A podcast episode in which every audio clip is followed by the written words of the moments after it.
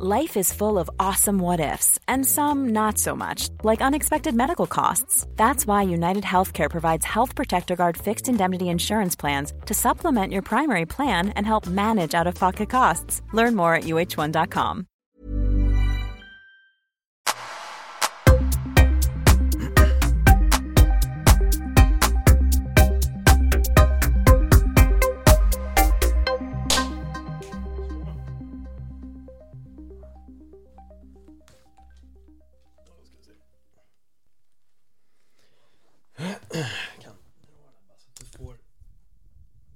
Ah okej, från sidan. Skönare. Okej, Så, underbart. ska vi se. Sådär. Följer benet. Jag har sett samma position med Rasmus också. Ja, Ikoniska. ja, men jag, förut satt jag så skitstrikt men sen kände jag jag pallar inte det längre. Nej exakt. Så jag började istället med att sätta mig bekvämt. Bra val. Det ser bra ut, jag tycker att din utslag ser, ser väldigt bra ut. Så det här kommer att bli bra. Okej, dunder. Perfekt, då kör vi.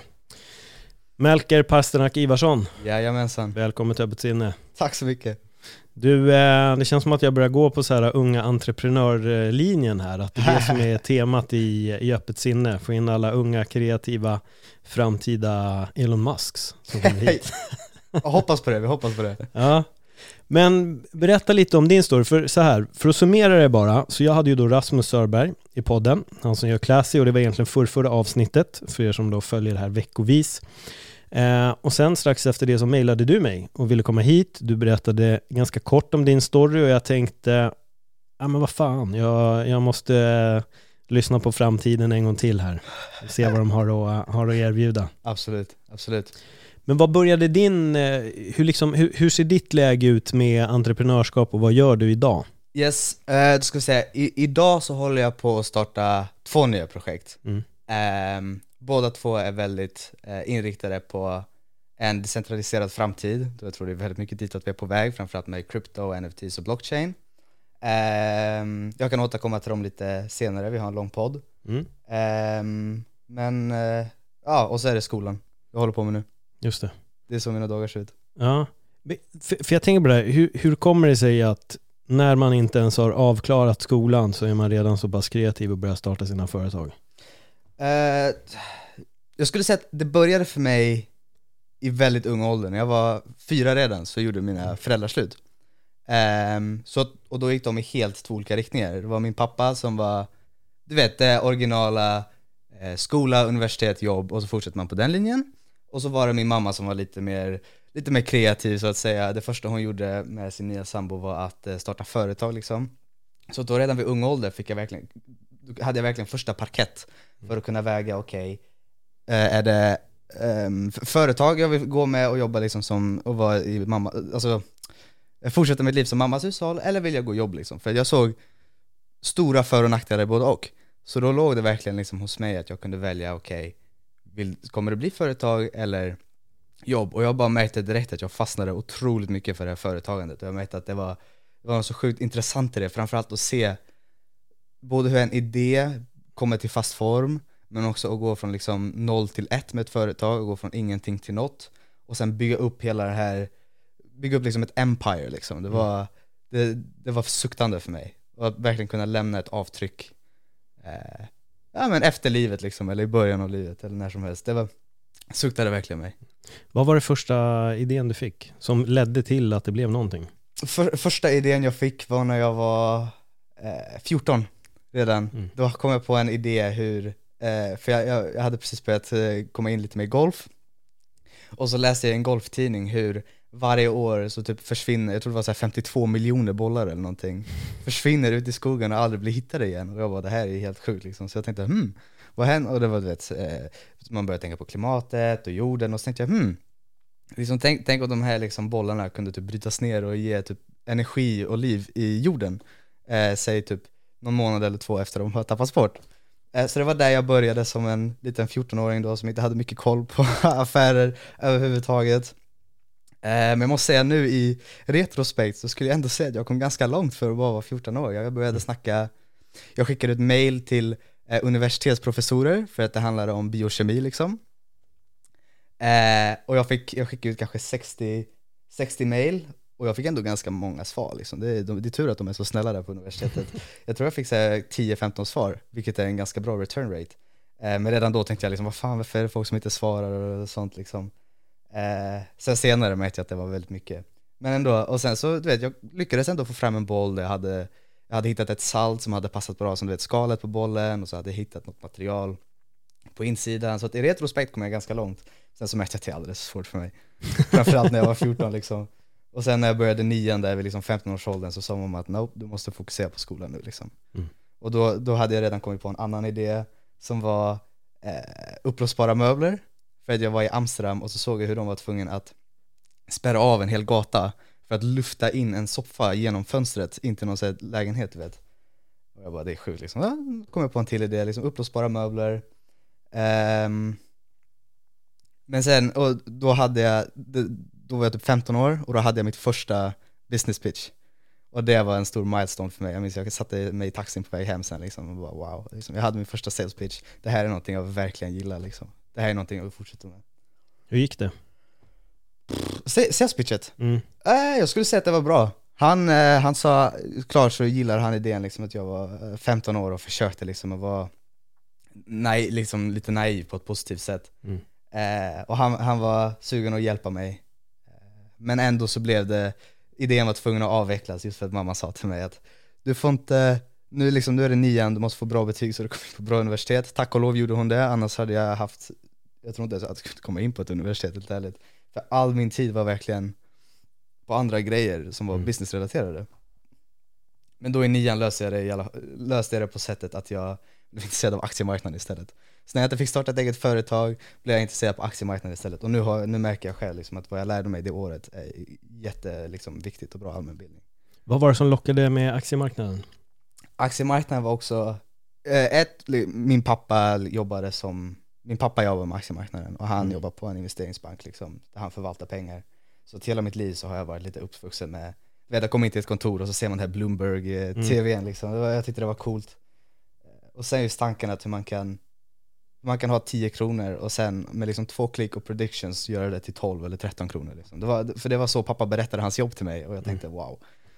Eh, men sen så det tog ett tag innan jag började investera med riktiga pengar. Och det gick helt okej, okay. jag tror vid det här laget har jag kanske jag kvadrupplat mina pengar eller någonting liksom. Så det mm. hade gått dåligt liksom men På hur lång tid då? Två år. Mm. Så det är alltså det är helt okej okay returns. Men som sagt, det var majoriteten av nian så började jag lära mig och jag visste att det är hög risk, jag visste att det är svårt, mm. majoriteten tappar pengar. Um, men jag började ändå, jag började, uh, uh, så vad heter det, paper trading, du vet man får låtsas pengar för att trada med. Och det var där jag började. Så I ettan så kom jag på Where for good-idén då. Och det var, um, den idén var just att jag visste att jag ville starta ett nytt företag, jag visste att jag vill ha en ny start jag lämnar båda idéer bakom mig. Eh, och jag tänkte att det var lite som 50 Cent när han startade Vitamin Water. Eh, jag, jag, minns att jag var i butiken och så tänkte de här strumporna, liksom, en, en strumpa på H&M ett par liksom kostade, de kan kosta 25-30 spänn liksom. Mm. Men att tillverka dem kostar ju liksom, beror på hur mycket man köper in såklart, men det kostar inte liksom mer än hälften. Nej. Inte mer än en fjärdedel liksom. Fem spänn per strumpa tänkte jag lät rimligt liksom, och så tänkte jag, ja men det här måste jag liksom det här måste jag börja med. Så började jag tänka på idén liksom, och sen så tog det inte lång tid när man sitter där med tvätten och så har man de här jävla strumporna liksom, som man måste sortera ihop i 20 minuter. Um, ja, och det var så den idén kom till mig. Sen så slängde jag till lite välgörenhet på det också. Hur ser företaget ut? Vad, är det exakt som, som det här innebär? Så här långt har vi fattat att det är strumpor, men vad är det som mm. gör de här unika? Vad som gör dem unika är just att eh, det sitter, det sitter knappar på dem så att man inte behöver just sortera dem liksom. Det är liksom en liten grej, otroligt mycket tid man sparar liksom. Eh, jag önskar jag räknade exakt hur mycket timmar jag sparade förra månaden liksom, för att inte sortera strumporna, men jag kom aldrig så långt, tyvärr. Eh, och sen så också just att jag var väldigt fokuserad på eh, välgörenhet och mm. eh, att de ska vara miljövänliga. Så jag hittade en fabrik i Bulgarien som gjorde, det kallas upcycled. Så de tar liksom eh, rester av massa textila um, tyger och sen så maler de ner dem och så gör ett nytt tyg och så gör de strumporna av det och så de köpte in. Men alltså det känns, så för mig, alltså, som jag sa när jag pratade med Rasmus också, att bara få idén, för mig är ibland tillräckligt komplex. Jag kan få idéer om andra saker, starta en podd är sjukt lätt för mig. Mm. Det är bara idé, boom, och så sätter jag mig och så kör jag. Och jag kan nog tänka mig att du sitter i den båten fast vad gäller företagande, att du vet vilka steg du ska ta. Så för en person som inte kan det här, vilka steg är det du behövde ta från att så här, okej, här fick jag en idé och nu ska jag då se till att den blir på riktigt. Vilka steg är det som du skulle säga är de ja, väsentliga att göra? Otroligt bra fråga. Jag, jag skulle säga, jag har själv haft, ehm, ja men jag skulle säga att först, första idén är just att eh, redan, redan typ andra, första eller andra eller tredje dagen idén kommit till mig så går jag direkt till någon och frågar feedback. För innan jag ens fortsätter vill jag veta vad resten av världen tänker om det, om det ens liksom finns en chans. Och då går jag inte så komplext, då går jag inte så djupt, då säger jag liksom jag har någonting liknande det här för att få feedback. Sen så direkt så går man och kollar liksom marknaden såklart, finns det redan, finns det något liknande? Och varför det är viktigt också är inte för att om man kollar marknaden och det visar sig att det finns något liknande, det ska inte betyda att idén ska försvinna. Det betyder att då kan man liksom ta lite idéer från dem, liksom. man kan, man kan, man kan liksom se vad som funkar för dem, man kan se vad som funkar för en själv och så kan man verkligen hitta en egen så, här, unique selling point som Elon Musk säger liksom. och man får se till att den här unika selling pointen är så pass mycket bättre än den andra att man ska inte kunna säga i en mening att jag ska bygga en Instagram fast med en utan man måste verkligen komma upp med något nytt liksom. Tesla och SpaceX, det är liksom det är nya grejer med nya elbatterier liksom. det, är, det är ingen, en Ford ungefär men med en annan design. Det är liksom, man får verkligen hitta någon unik selling point. Hur många är ni som är involverade i det här idag? Alltså för att få det här projektet att verkligen rulla? Eh, vi var Vi var sex personer, jag och så fick jag fem investerare Mm. Men eh, just nu så har jag backat väldigt mycket från projektet och jag låter dem eh, styra det Av massa olika anledningar Men eh, det är så det ser ut idag Hur känns det då att få en idé och sen kliva ifrån den? det känns, det känns tråkigt på sättet att man måste att man, man får liksom backa, det blir som en bebis liksom trots Mm. allt. Om man har ett företag så blir det som en bebis. Men sen också liksom att se att det är ändå en idé som har växt och har börjat ta form liksom. Eh, och nu är det liksom fem, för jag tror också att de kan göra det bättre än mig, det är det som är grejen. Mm. Jag vet vad mina kunskaper går, jag vet var de tar slut, jag vet var de startar. Eh, och jag vet att de har mycket mer kontakter och erfarenhet innan nätverket, så jag hoppas att de kan växa det. För jag kan tänka mig, antar att du har sett på de här, vad heter det, Dragons Den? Dragons de Den, ja, ja.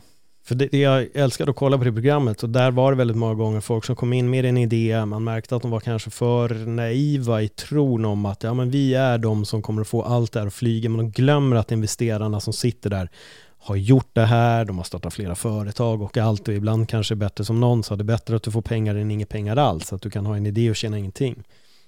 Mm. Jag antar att det är väl det lite klivet du har gjort, för du måste ju fokusera på plugget, så jag antar att det är väl också en Exakt. faktor va? Ja, 100% jag går, jag går i, jag ska börja liksom andra, andra terminen i tvåan, Mm. natur, natur liksom, så det är ingen enkel linje. Nej. Jag vill nästan säga att det är svåraste linjen, men jag vet inte riktigt. Jag vill att det ska kännas som att det är svåraste linjen. Den är jäkligt svår för mig i alla fall. Eh, så det, det är mycket plugg att gå natur, natur. Jag, till exempel, jag testade, som extra val har jag lagt till liksom entreprenörskap och företagsekonomi och jag märker att det är där, det, det är där jag verkligen finns. Mm. Eh, men nu går jag trots allt natur, natur och så är det liksom svår matte, svår kemi, svår biologi, svår, otroligt, otroligt svår fysik. Mm. Ehm, ja, men det, jag har, jag har ett och ett halvt år kvar, så jag klarar av det. Vad, hur ser du det, var, var väg, vart leder vägarna efter skolan skulle jag säga? Uh, hittills, hittills återstår det att se, jag vill inte liksom, jag vill inte, jag har aldrig riktigt jobbat så att jag vill lägga fram liksom mina, mina 20 nästa steg, exakt vart jag kommer gå någonstans. Mm. Jag tror lite på den här, mer som, heter det kvantum på svenska, eller kvant? Kvantfysik? eller Ja exakt, men jag tror lite på den här kvant, kvantlagen liksom, Mm. att allting, allting ska liksom, att lösa sig mot slutet, att det är kaos är liksom self-organizing. Mm. Eh, så jag tror att liksom, om ett och ett halvt år så ser vi vart jag är, vi ser vart liksom, skolan är, hur det ser ut. Ehm, jag kanske tar ett eller två år utan universitetet, jag kanske går tillbaka till universitetet och väljer en linje.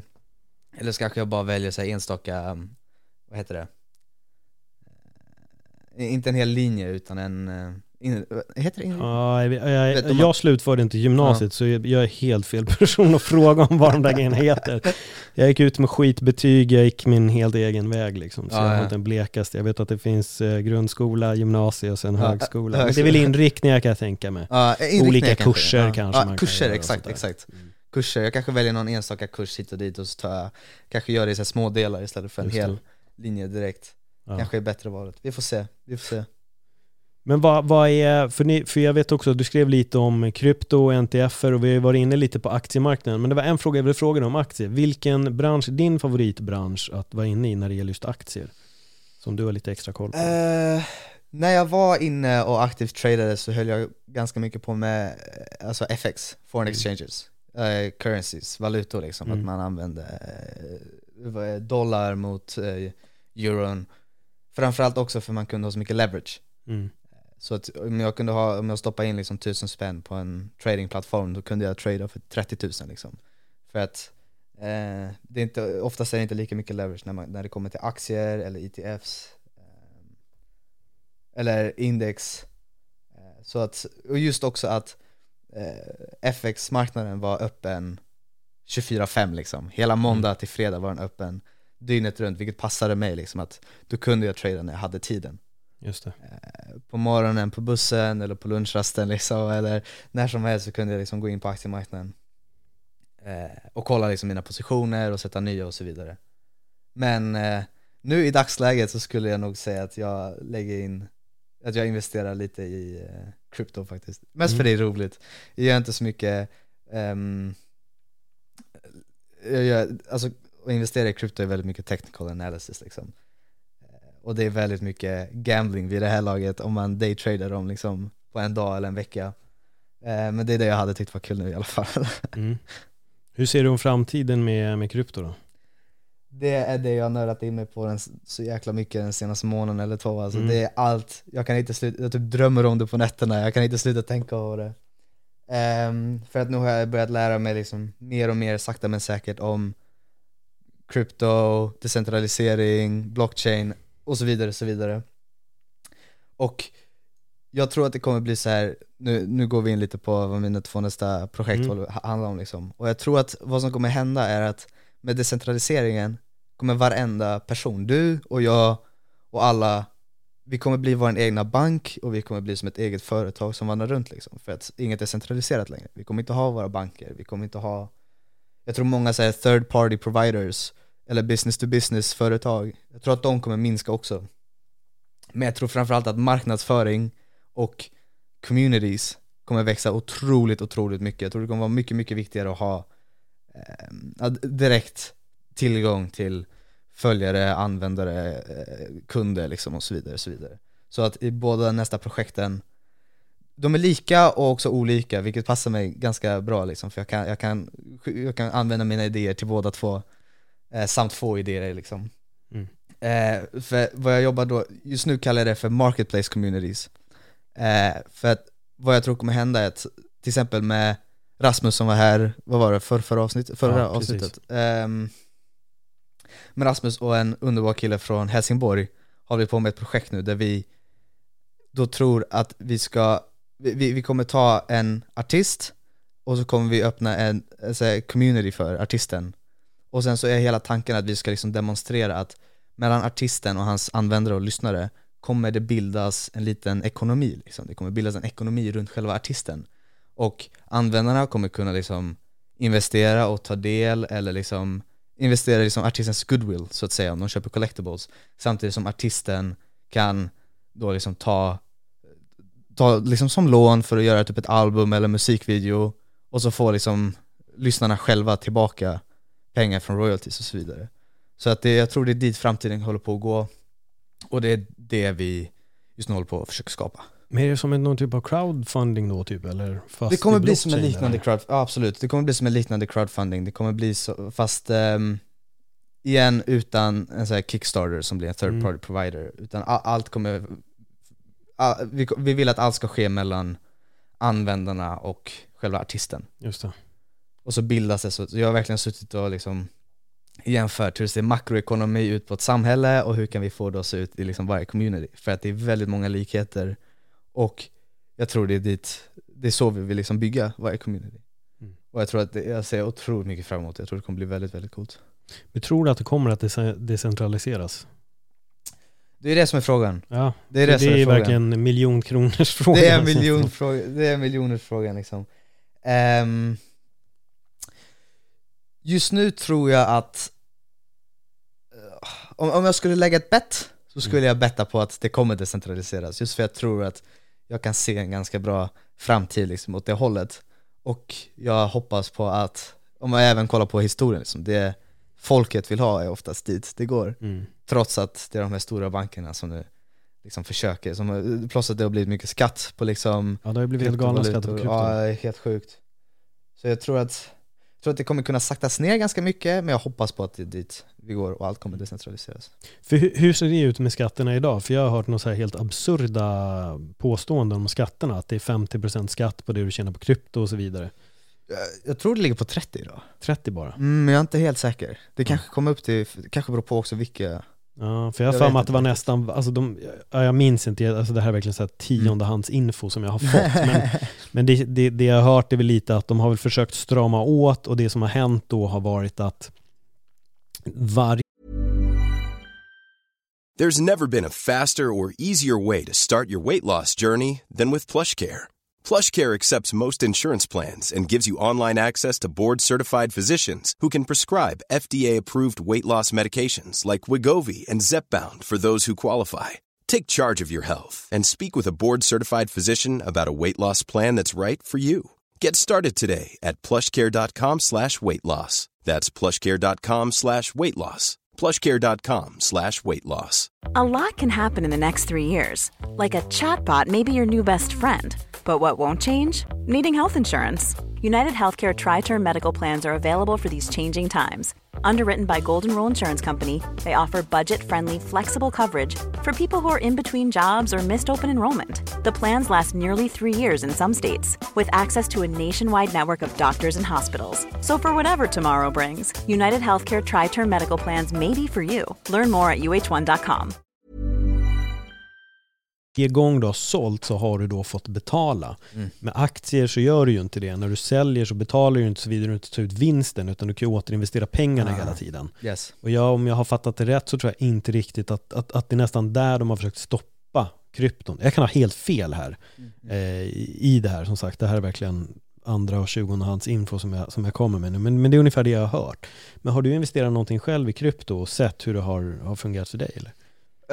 Eh, vad jag har gjort är att jag har fortfarande haft problem med tanke på att jag fortfarande är under 18 så har jag problem att signa ja. upp till Coinbase och sånt där. Men vad jag har gjort är att jag har stoppat in ungefär 1000 spänn i ett uh, Meta-wallet. Mm. Eh, och då, jag har, eftersom jag inte tagit ut dem så vet, har jag inte blivit eh, påverkad av eh, skatterna. Nej. Men hittills har jag tänkt, jag vet inte om det är så, bara av att sälja krypto så måste man betala skatt. Jag har alltid trott att det är alltså capital gains Mm. på eh, krypto. Men eh, ja, vi får se. Jag, jag, tror att, jag tror även att det kommer ändras ganska mycket. Mm. Och eh, om det är bättre, för, alltså för det bättre eller för det sämre vet jag inte. Men Nej. jag är rätt säker på att skatterna kommer ändras liksom, till och från då och då. Vad har förvånat dig mest när du har börjat eh, nörda ner i krypto? Vad är det som har varit den största så här, åh jävlar för dig? Det är verkligen just det problemet som bitcoin vill lösa liksom. För att vi, vi, jag snackade, vi, vi, vi tre killarna snackade med eh, en kille från Skottland som är otroligt, otroligt bra på krypto och bitcoin. Och han investerade i bitcoin, jag tror de han sa för typ åtta år sedan eller någonting. Så Oj. nu har det verkligen ändrat hans liv. Mm. Eh, och han vet ju hur bitcoin fungerar, så han skickar över en, här, ett mail med videos vi ska kolla på. Och då var det en, liksom, eh, en YouTube-serie på så fem videor, jag tror det hela tiden var typ sammanlagt blev det en timme, en och en halv timme, där de förklarar hur dagens banker fungerar. Och det är där det verkligen slog mig att liksom, det, här, det, det, det kallas för fiat money. Hur en krona eller en dollar inte är backad av någonting, utan det är priset de själva satt på det. Eh, och hur till exempel varje gång du tar ett lån från en bank så är det inte någons pengar du får, utan de trycker upp nya pengar och ger dig liksom luftpengar, Mm. papperspengar. Eh, och sen så måste du betala tillbaka de pengarna plus lite till. Så det är verkligen en otroligt, otroligt bra affärsidé, banker alltså om du frågar mig. Eh, och det kallas fiat money och hur, man liksom, hur banker jobbar med att sälja debt och hur reglerna regleras hela tiden. Eh, till exempel, jag, jag tror att, har du sett The Big Short? Filmen? Mm, ja, ja. ja, jag har sett den två, bra. tre gånger. Ja, jag med. Jag tycker Jag den är riktigt den är bra. otroligt, otroligt bra. Den snackar om allt om mortgage bonds och CDOs och credit default swaps. Eh, Och jag tror även att liksom bankerna i sig, det är frågan de fortfarande inte vet om, varför bankerna lånade ut så otroligt mycket pengar och tog så lite eh, liksom, eh, vad heter det, alltså amort amorteringarna tillbaka var ganska låga liksom Mm. och räntan var otroligt låg. Och det är frågan de fortfarande inte vet hur man ska besvara liksom, men det är också Fiat money var problemet bakom den. Just det. Och sen så är jag inte riktigt helt säker vad som hände i, vad heter det, the depression, alltså det 20-talet, 1920-talet Ja, exakt. för 100 år sedan. Nej, uff, det kommer inte jag heller ihåg. Eh, stora depression i USA ja. Mm. Jag, vet inte heller, det var någon, någon form av krasch, men jag minns inte heller. Exakt. Och Big Short handlar ju då om den senaste liksom, stora kraschen som vi har haft. Var Exakt, det 2008. 2008? Ja, exakt. Där ja, så se den om ni inte har sett den, för det är en, det är en riktigt, riktigt bra film. Otroligt, klassiker, klassiker. Mm. Så hur ser det ut med andra människor som jobbar med det här? Det finns inga, jag tänkte just om din pappa, han jobbar i skötefond sa du va? Ah, ja, exakt. Typ då då. Men, Ungefär, ja, jag vet inte om det är han som sköter den helt. Nej, men- han, han men- jobbar för det. Han är med där, för, Han för det, förvaltar, det är ja. precis vad det jag skulle komma till bara. Mm. Finns det inga som förutspår att man kanske kommer börja förvalta i bitcoins och att folk kommer kunna gå in på det sättet? Absolut, absolut. Eh, det har jag inte hört så mycket om hittills, men jag tror definitivt att det kommer hända för att jag tror bank, eh, hela bitcoin är ju till för att eh, det, det heter liksom att, eh, vad heter det, ersätta banker. Mm. Men jag tror att det är väldigt mycket in, inriktat på liksom retail banks och bankerna som vi har våra pengar i och bankerna som ger oss lån. Men sen om man kollar på hela investering, alltså investment banks, alla de investeringsbankerna, alla liksom som förvaltar pengar, hedge funds, mutual funds, eh, allt åt den stilen. Jag tror att de fortfarande kommer finnas kvar. Och jag tror även att de kommer, jag, jag, tror inte de kommer ta en så stor hit av eh, bitcoin eller krypto om inte just liksom själva eh, cryptocurrencyn liksom går ner i värde. Ehm, för jag tror att, så eftersom jag sa till dig, jag tror att varje person kommer bli sin egna bank och sitt egna företag. Eh, då vet jag att det är många som inte vet hur man förvaltar pengar. Jag, liksom, jag skulle fortfarande inte säga att jag kan förvalta mina pengar trots att jag ändå liksom har försökt nörda in mig i det och lära mig ganska mycket från det. Eh, så jag tror att det fortfarande kommer vara vanligt att folk stoppar in eh, till en liksom, eh, spara sin pension liksom, eh, eller stoppar in några pengar hit och dit liksom som ska förvaltas och framförallt företag. Så jag tror, eh, det kommer fortfarande finnas kvar, förvaltning. Sen så tror jag även att folk kommer kunna trada NFTs, så som de redan håller på att göra nu Mm. på OpenSea till exempel, eller på Rarible. Hur de, hur det blir som också en liten marknad där. Jag väntar fortfarande på att se, jag tror även att det kommer komma liksom NFTs, ETFs, eh, där det kommer finnas en ETF, om ni inte vet vad det är, det tänker typ eh, om, om man tar till exempel ett index som eh, S&P 500, liksom ett stort index som håller eh, Amerikas 500 största företag. Den är ju inte jätte, priset ändras inte så jättemycket i den ehm, Alltså i den aktien, om man ska hålla den i en dag eller två eller tre dagar, så för daytraders, så ändras inte aktien så mycket. Då finns det till exempel en ETF, så då köper man inte en riktig aktie, då köper man inte en riktig eh, en riktig liksom, eh, ett, ett, ett riktigt värdepapper, utan då är det mest att man, en ETF är en avspegling med lite ändringar. Så till exempel det finns en ETF som går i exakt samma spår som S&P 500 fast gånger 10. Så går, S, så går S&P 500 upp en krona så går den här ETFen upp 10 kronor. Det är liksom så ETFs eh, håller på att gå. Och jag tror att det kommer finnas i NFTs också, till exempel att varje collection kommer kanske kunna ha en ETF. Mm. Så att det finns som ett index som spårar alla, alla eh, enskilda NFTs. Men då är frågan, det är ju mycket stress om man investerar i bitcoin för det kan ju gå upp och så kan det gå sjukt fort ner och hela den biten och aktier kan ju ha det men kanske inte så extremt som, som bitcoin är. Du tror inte att det kan avskräcka folk från att gå in i bitcoin då? Att fan jag går in med 100 000 här och det kan vara en miljon imorgon men det kan också vara 10 spänn om jag har oflax och så säljer jag vid fel tid. Ja men du vet, bara att investera i en aktie som går upp 5% kan vara tillräckligt Ja. mycket stress. Exakt. Hur, hur ser du på det? Ja men jag är själv liksom varsam med att investera i bitcoin just för det så Det är så mycket prisändringar som går upp och ner och går nästan runt i cirklar liksom känns som. Ehm, Så att, eh, tumregeln kan väl vara att investera bara så mycket man är villig att förlora. Mm. Jag skulle säga att det, det är så det ser ut idag.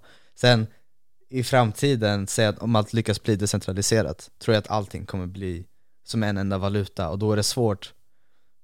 Just nu till exempel så väger vi bitcoin mot en dollar Så då vet vi att om någonting händer med dollarn så förändras eh, värdet på bitcoin, om någonting händer med bitcoin så spelas det ju liksom hur, många, hur mycket dollar det är värt. Men sen om, så om allting bara skulle gå över till bitcoin då kommer ju inte värdet kunna ändras. Hur nervös är du varje gång Elon Musk twittrar? Ja du, varje gång Elon Musk twittrar Han sjunger fint som en fågel. Alltså. Om man har, hans, om man har coinet som han twittrar om, då är man, skrattar man hela vägen till banken ja. ja men det är alltid lika kul att följa honom på Twitter Mm. Alltid lika kul Har du några förebilder vad gäller entreprenörskap och sånt?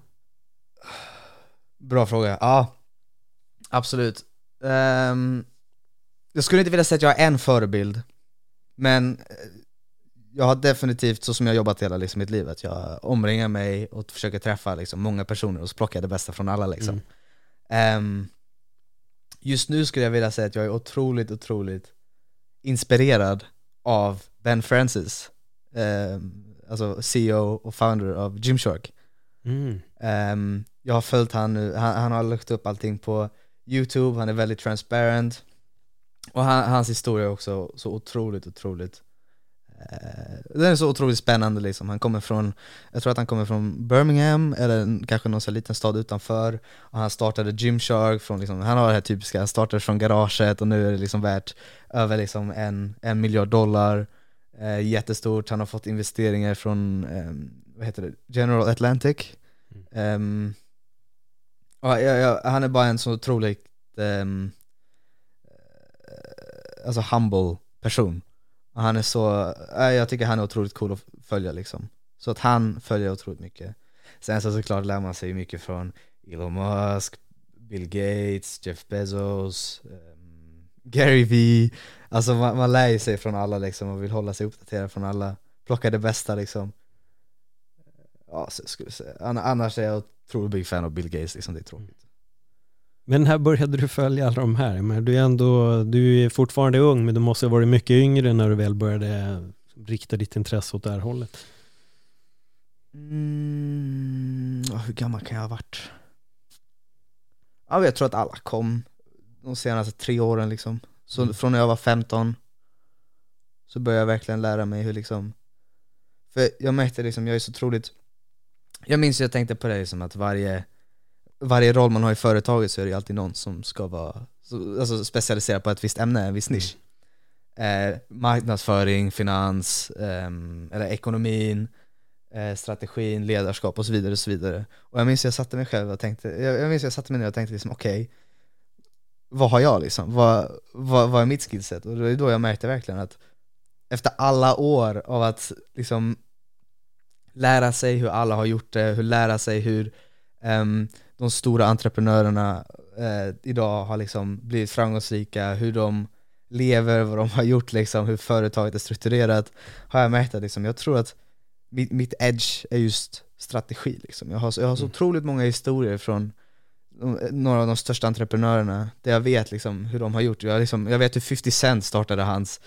um, alltså drug dealing business när han var liksom 12. Jag vet hur Bill Gates startade hans företag. Jag läste hela Mark Zuckerbergs bok liksom, så jag, har- jag har liksom många, många, många, många exempel i huvudet och jag, kan, jag märker själv att det, det hjälper mig otroligt mycket liksom, i företagande. Um, vad var det mer jag skulle säga? Nej, Jag tappade tråden, vem bryr sig? Hur gammal var du när du läste första biografi?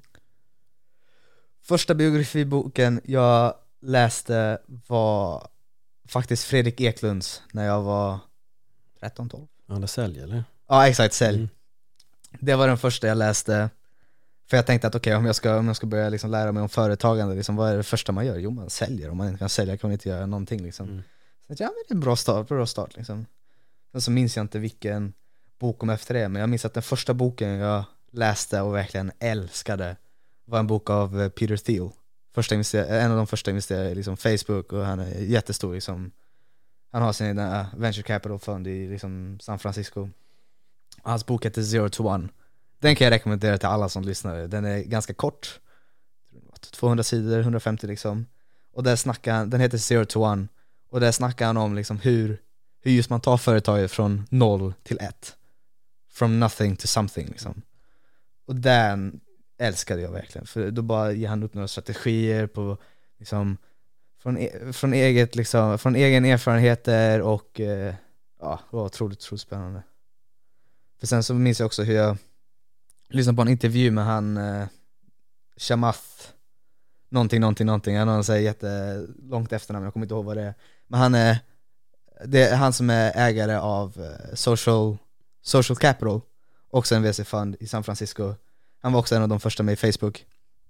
Otroligt, otroligt eh, spännande kille. Och han sa just det också att bra framgångsrika entreprenörer är egentligen bara bra på att kopiera andra. Mm. Bra, bra framgångsrika entreprenörer har lärt sig hur massa andra har gjort det och så plockar de det bästa liksom. Och så gör de nästan samma sak med deras egna twist. Mm. Och det bara, ja det är exakt vad jag har gjort liksom hela tiden, yes tänkte jag. jag är inte helt ute och cyklar. Nej men det är varför uppfinna hjulet. exakt, exakt. Det behövs ju inte. Nej. Det finns en bok som har en titel om författarskap som heter Steal this script. Ja, Och det är det det går ut på egentligen. Ja. Du vill bara stjäla det de har gjort men du ändrar små detaljer och det är Exakt. ofta så. Man hittar en lösning på någonting som redan finns eller förändrar det lite grann. exakt, exakt. Men var dina vänner på samma nivå som dig så att de också läste de här äh, böckerna som 13-åringar? Nej, absolut inte. Och det var ju liksom främsta anledningen till varför jag ville starta CIC Network. Eh, Det här andra företaget efter strumporna. Eh, Just för att, som sagt, mina kompisar visste inte vad de skulle göra och de, liksom jag berättade att jag läste böcker, jag berättade att jag var otroligt intresserad av liksom business och företagande. Mina kompisar, vad fan, de spelar GTA istället liksom. Jag tyckte, de tyckte jag var hur tråkig som helst.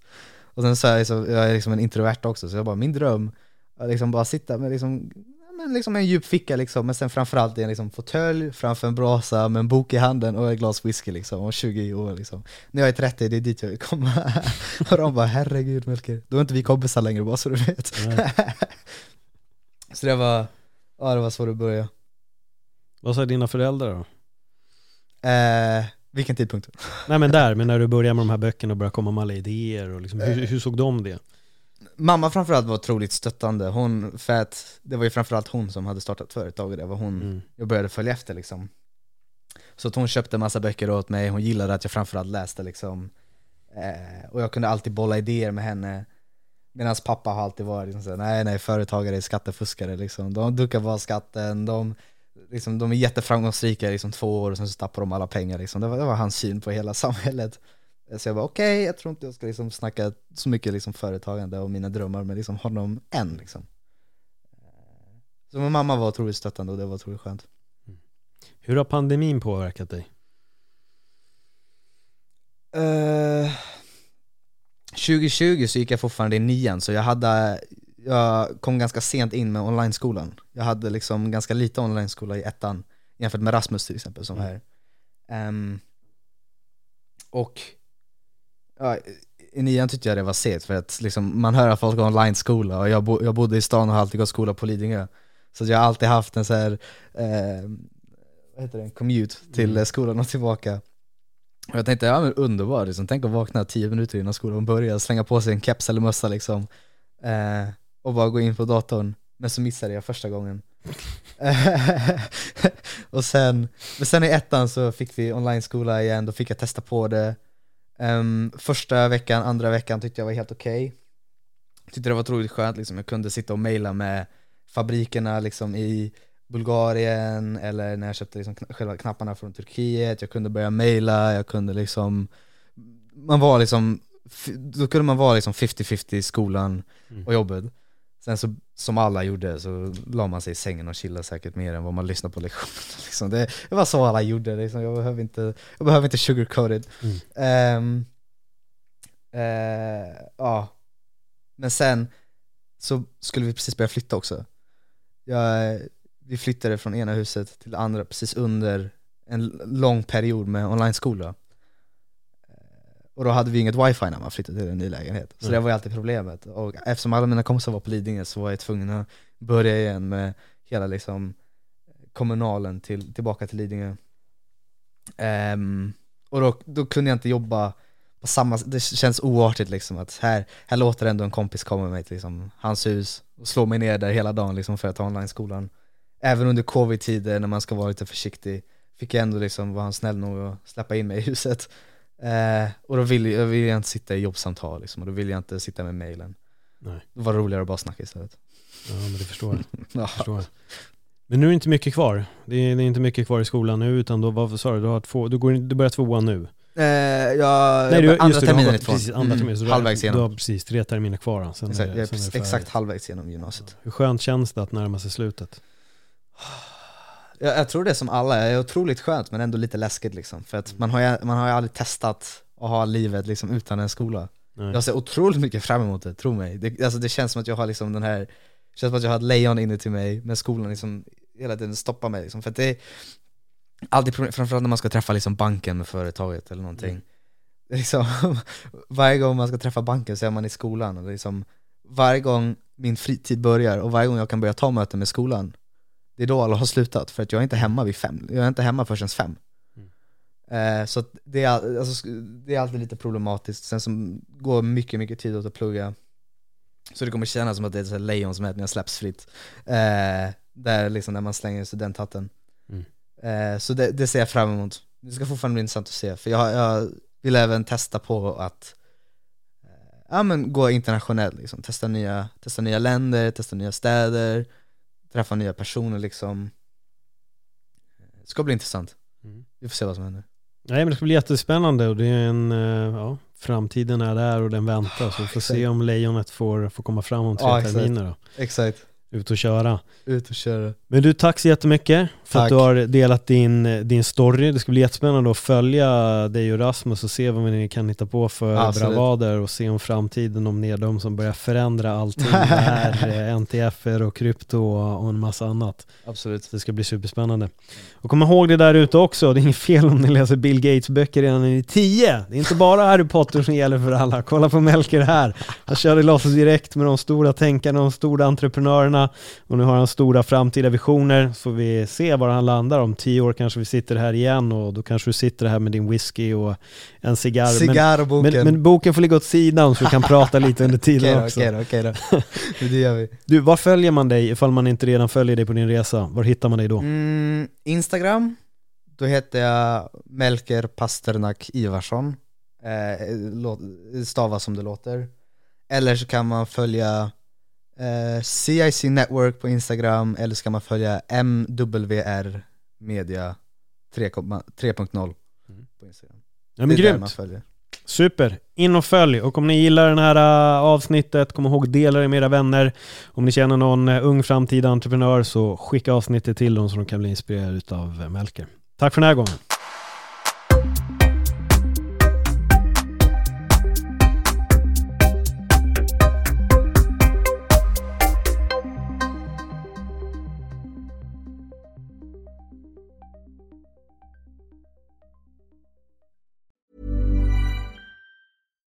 It's Paige DeSorbo from Giggly Squad. High quality fashion without the price tag. Say hello to Quince.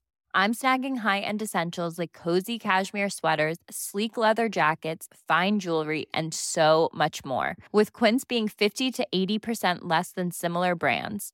And they partner with factories that prioritize safe, ethical, and responsible manufacturing. I love that. Luxury quality within reach. Go to quince.com slash style to get free shipping and 365 day returns on your next order. Quince.com slash style.